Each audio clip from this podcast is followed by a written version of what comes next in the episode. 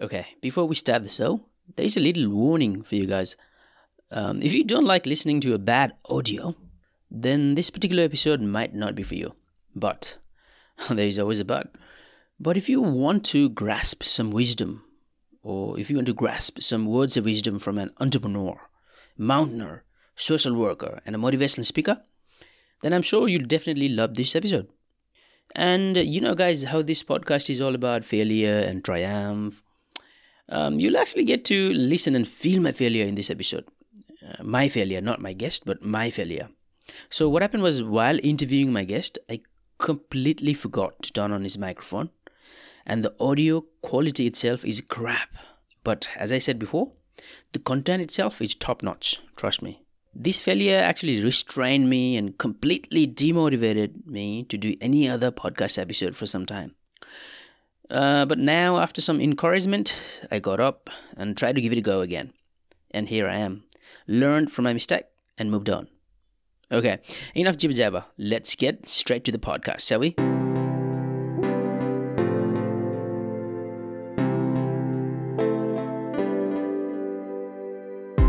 Hello and welcome to the Kuracast. And in this podcast, I unfold stories of difficulty and crisis experienced by the people from all walks of life and the ways they overcame the failure. I am Oscar Sagar, and on the show today, what motivated an entrepreneur, John Zeckendorf, to scale the seven highest mountains of the world and what it's meant to him? The mental thing is actually one of the biggest challenges. And so, uh, from all my mountains, I've actually trained my mind as much as my body. Where people mostly fail is actually in their mind well before their body fails. John Zeckendorf is a man who only started mountaineering in 2010 and has since completed the seven summits, conquering the highest mountains on each of the seven continents. Mount Everest was his seventh peak, achieved in 2017.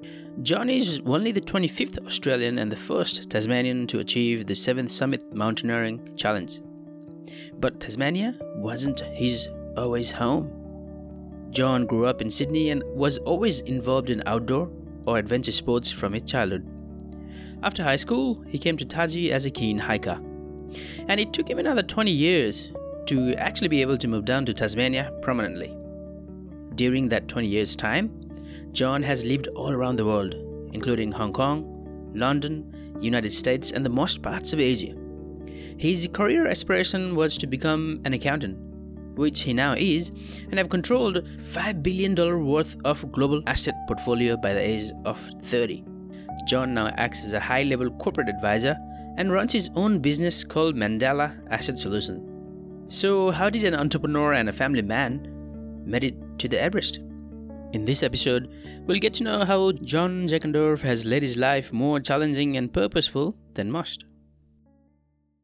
All right, let's jump into the climbing journey um, of yours. Um, as I said earlier, you have already successfully scaled the tallest mountains on every continent, um, which are also known as the seven summits of the world. Yes. I just wanted to know, like, was there any particular reason behind climbing this mountain, or was there any like triggering point that made you do this?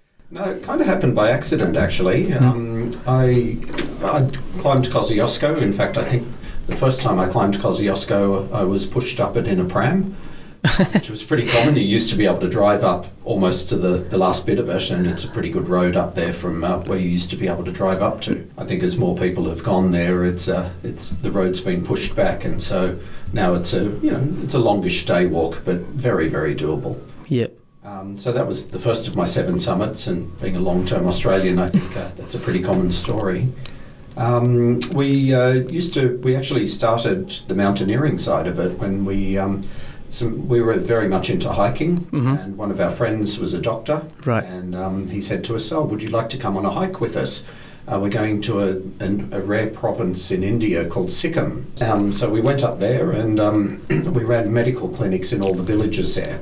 And then the following year he said, Oh, let's do it again. And so we walked in um, and we actually walked along Singalila Ridge, which is one of the main ridges that is the border between Nepal and. Um, so India. that was technically my first trip to Nepal was uh, accidentally stepping over the border as, as we came in from there. Uh, but that's where we got to meet the Nepali people. Yep. Um, we were running medical clinics in various villages along that border. Um, and then the third trip was even further up the valley, literally to the bottom of Mount Kanchenjunga, Mm-hmm. uh, which is the third highest Yes. mountain in the world. And um, we got to the base camp of that and we climbed up to a particular ridge, which gave us a great lookout. And I was just standing at the bottom of that ridge, looking up at the mountain, watching avalanches tumbling down the hill, and Yep. just thought, oh, this is really cool. I get why people do this. I'd never really understood it till then. It was really that trip, you know, sort of up into the higher parts that, that made it a lot more interesting. Mm. That was kind of what got it all started. We all know climbing uh, mountains, especially like climbing Everest, needs physical training, endurance, your your strength. But I guess climbing Everest is also hard enough um, without throwing up those mental blockade from your mind. You know, like and John, I think it is so metaphorical to our life. Most of us don't even try to remove those blockade from our mind, right? And to to me, climbing seven summits is almost impossible. How did you overcome? Um, so you're, you're absolutely right. There are probably a few things that need to happen um, to be able to climb anything, and I'll get to the metaphor a bit later. Um, but literally, to climb a mountain, you need the physicality, and you need access to the mountain, and that's often financial, but Yes. also a question of time. Uh, climbing Everest is ludicrously expensive. You want to make it, and if you want to come back with all your fingers and toes. so that was actually my objective, not to make the summit, but to come back intact and alive. that was my real objective. Um, so you need those things to come together. You need all the right gear. You also need the right team. And if you go, I've seen perfectly good, capable people go with the wrong team, um, and it hasn't worked. And I've seen bad people who really shouldn't have made the summit of mountains go with a good team, and it worked. and so, you really, who you go with becomes incredibly important. Um, but you're right, the mental thing is actually one of the biggest challenges. And so, uh, from all my mountains, I've actually trained my mind as much as my body. Where people mostly fail is actually in their mind well before their body fails. Um, so, the example I give when I speak to school groups is Do you think you can run a marathon? And not a single hand goes up in the room. You're like, okay, I get it. Mm-hmm. Who thinks here they could run one kilometre? Every hand goes up. Like, okay, so could you do one kilometre three times a week? Yep, absolutely. Every hand goes up. Mm-hmm. So if you did that for a few weeks, do you think you could get to two kilometres? Yes. And then you can. They now start to get okay. Now who thinks they might be able to run a marathon? Most hands. Everyone. Yeah. And so the problem for most people is they can't get off the couch. And that's the hardest part, I think, for most people. So the analogy that you asked, you know, is this a life skill? I think absolutely. And that's probably one of the most important things I've learned from mountaineering is um, you don't know until you try. And most people look at something and go, I can't possibly do that. The right question is that you need to ask yourself in that is what would it take for me to be able to do this? And then you break you start breaking it down into problems you can solve. Whereas if you look at the enormity of the mountain in front of you, you think I can't possibly do that. So in my mind, I knew I'd climbed Mount Wellington a hundred times. I did it when it was snowing and blowing and very windy and white out and freezing cold. And I did it in the stinking hot, and I could do it once and twice and with a pack and run and walk and you know everything, no problem. And so in my mind, Mount Everest from base camp to the summit is really only five Mount Wellingtons. And so every day I just had to tell myself, today all I have to do is climb one Mount Wellington. Wow. And in doing that, then you're breaking down this huge, impossible task suddenly Yep. into things you know you can do because I've trained Mount Wellington for that. And I think that's true with any life goal. We often sit down and we say, How do I get my doctor's degree? How do I care for a dying, you know, relative? Mhm. How do I deal with this big problem, you know, coming, overcoming addictions? You know, whatever our big personal mountain is, um, we often look at it and we're, we're just completely overwhelmed by the size of the problem. And it's so much easier if you break down this enormous problem into what is the next thing I need to do and just break it down into small steps. And if you can't break it down into, you know, if you can't handle the next step, Yep. break that down into smaller steps. And eventually you get to the point where you're just saying, all I have to do to climb this mountain is just take the next step. Don't worry about the big picture and that, Yep. just take the next step.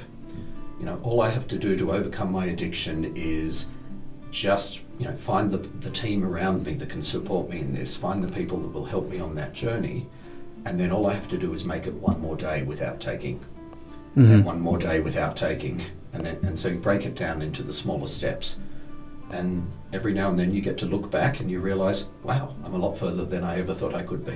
Absolutely, absolutely. The climb, as you said before, the climb to the summit is broken down into stages, just just as like we compare that in our life as well. Um, so when you're climbing, you go from base camp to camp one and camp two and camp three, four, whatever. And if I was you, I would, um, after crossing camp one, I would be like, I would be over the moon, right? Um, but there's also a place called Death Zone. Really? I've actually, I've, I've heard of, heard of it. Um, which I think falls after camp four. Uh, the death zone starts. It, it's actually a process. It's not a destination. Yeah. So, Yeah. um, so uh, you- you're right. The most dangerous bit of Everest from when you're climbing from Nepal is Mhm. actually coming up through the Khumbu Icefall because it is a very dynamic environment. Um, climbers and even in the corporate world will split risk into things I can control, which are called subjective risks. Mm-hmm. How fit am I? Which group did I go with? Have I eaten? Am I carrying the right gear? What's the, you know, all those sorts of things. They're things you can affect. And then you've got objective risks, which are things you can't affect, which is I have to cross an avalanche path. All I can do that is I can mitigate that risk by doing it quickly, but that's about all I can do. It's still risky. The most risky bit of Everest um, that you can't control is actually Khumbu Icefall. Mhm. And you do that six times because you go up three times and three times as you're yo-yoing up the mountain to, to get your altitude and acclimatization. Um, so that's, but it becomes, by the time you're doing it the fourth time, it's very familiar. And so you don't actually perceive it as being risky. Yeah. It's still the riskiest bit of the mountain. It is. Um, once you get to Camp 1, you're not high fiving each other because your goal was not to get to Camp 1. Yeah. It was, okay, that was a milestone. I've crossed Yeah. that milestone. You know, I'll have a cup of tea and then we'll move on to Camp 2 the next day. Um, and so you're not really, so as you're going along though, you're gaining more altitude. And as that happens, you're noticing different things happening in your body. Now, this is a process that takes over a month. So by the time you hit base camp, you're already acclimatized to about five and a bit thousand meters, but you've got to get acclimatized to at least 7,000 meters. And so you climb up to camp one, camp two, spend some time there, come all the way back down. Then you go down to the village, recover, eat a lot. Um, you know, the, uh, uh, the momos, all that. Yeah. extraordinary.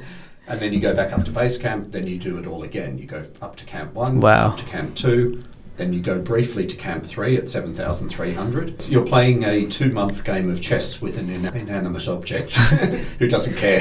Yep. the mountain doesn't care for you. I also heard that at, at, one point when you go, I think probably after three or four, camp four, your body starts to eat itself. Yes. What does that mean? So, so it, it, it's for two reasons. Yep. So, as you get up to about 8,000 metres, you get to the point where there's not enough air or not, not enough oxygen molecules in the air uh, because the air pressure is so low because you're so high up. Um, so, when you go to the top of Kosciuszko, there's Mhm. about 5% less air pressure there than there is at sea level. Unless you're running a sprint, you won't even notice. When you go up to about five, so most people when they get into base camp of Everest at 5,000 metres, if you haven't gone up slowly enough, you'll be throwing up and passing out on the side of the track because you're down to about half the oxygen molecules you're used to. So it's like climbing with you know one one lung tied behind your back. As you spend more time up there, your body adapts physically and you get more red blood cells growing through your body, and that will help you carry what limited oxygen there is around your body better. Um, by the time you get up to 8,000 metres, you're down to about a third of what you're used to at sea level. And your body just says, I can't cope with that little oxygen. You're basically starving me. And so, first thing it does is shut down your external system. Mhm. So, your circulation to your fingers, your toes, anything that's not essential. And that's where you run a real risk of frostbite. Um, the way you can combat that, and one of the things that helps with that, is to have artificial oxygen. So you'll take bottled oxygen, usually from higher than Camp 3.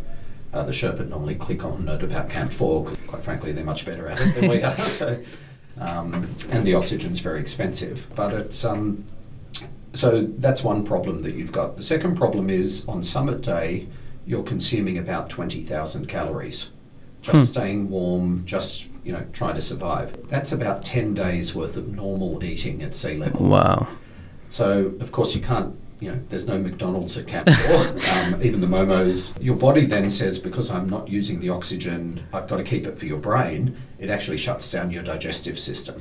Right. And so your body stops being able to process, at lower altitudes, it stops being able to process fats. At medium altitudes or medium to high altitudes, so from about maybe above base camp, you can't really handle fats, but you can still handle proteins and carbs. When you get up to 8,000, you can't even handle complicated carbs. You Hmm. need very simple carbs. So if you're lucky, and you don't feel like eating, your body's telling you, no, no, keep all the oxygen for the Yep, brain, yep. don't divert it to the stomach. So on summit day, you're lucky if you can eat maybe 1,000, 1,500 calories, but you're burning 10,000. So your body says, where do I get those calories? That's four days worth of food. Where, does, where do I get those calories from? And it says, well, I could take it from all the fat in your body. Huh. There isn't much by this stage, um, but actually, that's too much like hard work. so let me go for the proteins. What's the biggest source of protein in your body? Your Muscles. muscles. And so it starts eating your muscles. Wow. And so on summit day alone, I think I worked out I, I lost about four kilos, all of it from my muscle Just in one day. in one day. And then across that whole 10 day rotation from base camp up to the summit and back to base camp, hmm I lost about 10 kilos. It's not fat, it's muscles, That's is it? all muscle. That's Wow. all the stuff you want to get you back up and down the hill. It's a very nasty trick. It's amazing how our body works. Uh, it's amazing the body adapts because when you think about, you know, the first time we pulled into base camp, I wouldn't say we were throwing up. We we knew all the tricks would come up very slowly, hmm but all the day trippers that you see come up who are just visiting Everest Base Camp, and for them that's the highest point they'll get to. hmm Um, they're lying on the side of the track throwing up and passed Ooh. out. You know, they're feeling terrible, and two, you know, and we weren't feeling great, but we were we were okay.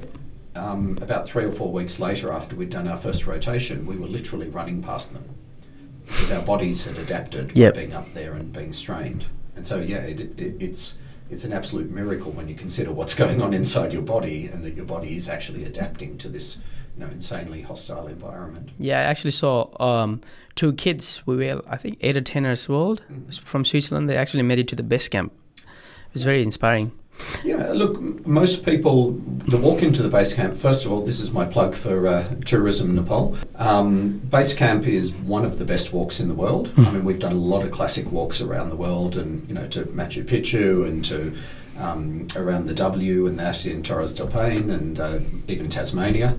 Um, the walk into base camp probably isn't much more difficult than walking um, the overland track. Um, the hospitality along the way is world class. I mean, no, it won't be fancy five star hotels, but you know there are flush toilets every night. There Yep. are showers when you want them. It's you know there are tea houses every hour and a bit on the route. It is stunningly beautiful. Um, the culture is amazing. The people are amazing, and the whole experience. It's Mhm. very hard to find a better walk than that. Yep. You are actually also an entrepreneur, an accountant. You're managing a lot of regional hospitality hotels, motels. How do you get time? How do you manage your time to do all this thing? Uh, I'm not really on Facebook Yep. or any other social media. I don't really watch television, Mm. and uh, it's amazing how much time that frees up. True. Um, a lot of it is about bringing discipline to what you do, um, and you know, again, the mountaineering skills are transferable to work and vice versa.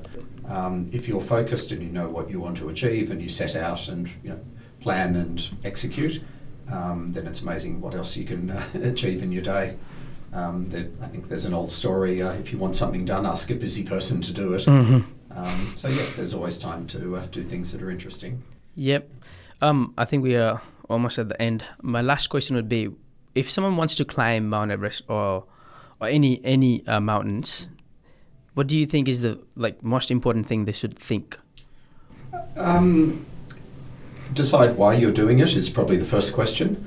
Uh, it's great to put a lot of effort, and it will require a lot of effort, um, but that comes at a cost. It'll be a financial cost, a social cost, a relational cost, and possibly a physical cost, um, and certainly a time cost. Yep. And so you've really got to decide is that the best use of all of those resources that you've got at your disposal? Uh, if the answer to that is yes, then you know start. There's a whole bunch of mental stuff I would start with 1st Mhm. because that will transfer to anything you want to do, whether it's mountaineering or something else. And then lastly, there's a whole bunch of technical stuff Yeah. that uh, people can contact me, and I'll uh, I can walk them through what that looks like. Thank you all for listening to this episode. And special thanks to Prakash Panthi, Barun Chapaga, and Pramit Basnet for all your help and encouragement. You cannot imagine how much strength your support has given me during this difficult time. You guys make me feel seen and heard, and I love you for that. Thanks also to our music producer Sachin Maharjan and Ratish Thapa. I am Oscar Sagar, and you've been listening to the Kuracast.